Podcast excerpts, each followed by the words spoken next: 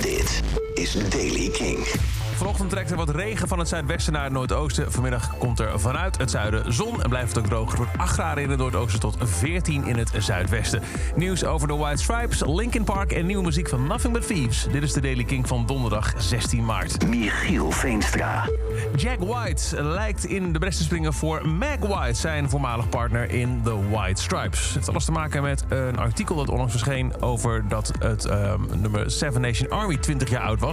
Een muziekjournalist liet toen op social media weten... de tragedie van The White Stripes is hoe geweldig ze zijn geweest met een redelijk goede drummer.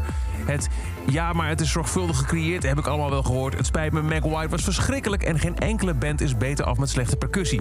Dat heeft tot heel veel discussie geleid. Ehm, eh, onder andere Questlove, de drummer van The Roots, eh, verdedigde Meg White op social media. Ik probeer troll views te vermijden, postte hij, maar dit gaat echt te ver. Wat er eigenlijk mis is met muziek, is dat mensen het leven uit muziek proberen te persen als een Instagram-filter. En proberen een, een hoogtepunt van muzikale perfectie te bereiken dat het nummer of de muziek niet eens dient. Karen Elson, die met Jack White trouwde nadat hij en Meg White waren gescheiden, sprak ook haar steun uit. Meg White is niet alleen een fantastische drummer, schrijft ze. Jack zei ook dat de White Stripes niet zouden zijn zonder haar. Aan de journalist die haar afkraakte: hou alsjeblieft de naam van de ex-vrouw van mijn ex-man uit je mond. En nu heeft ook Jack White zelf iets geschreven. Niet direct van, hey, dit is een reactie op, maar het lijkt er wel op. Op zijn Instagram plaatste hij een eh, gedicht om geboren te worden in een andere tijd. Een andere tijd dan de onze zou prima zijn geweest. Over 100 jaar, over 1000 jaar in een andere afgelegen verschillende tijd. Een tijd zonder demonen, lafaards en vampiers die uit zijn op bloed. Een tijd met positieve inspiratie om te koesteren wat goed is. Dankjewel, Jack.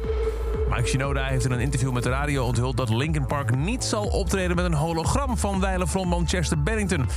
Hij deelde zijn gedachten in een gesprek over hologrammen van muzikanten in het algemeen.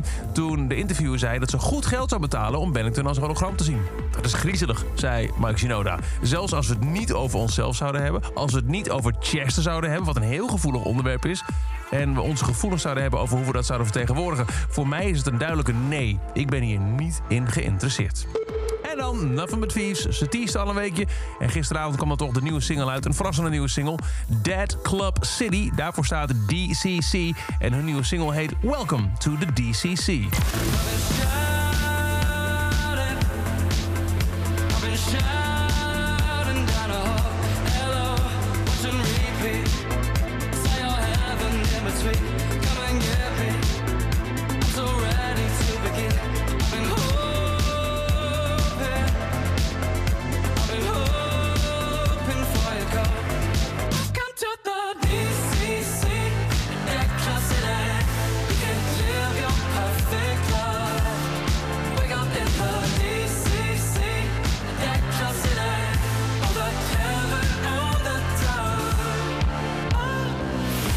Welcome to the DCC, de nieuwe single van Nothing But Thieves. En tot zover dan deze editie van The Daily Kink.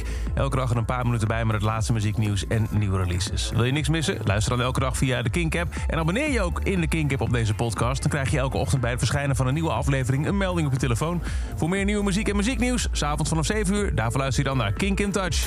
Elke dag het laatste muzieknieuws en de belangrijkste releases in de Daily Kink. Check hem op kink.nl of vraag om Daily Kink aan je smart speaker.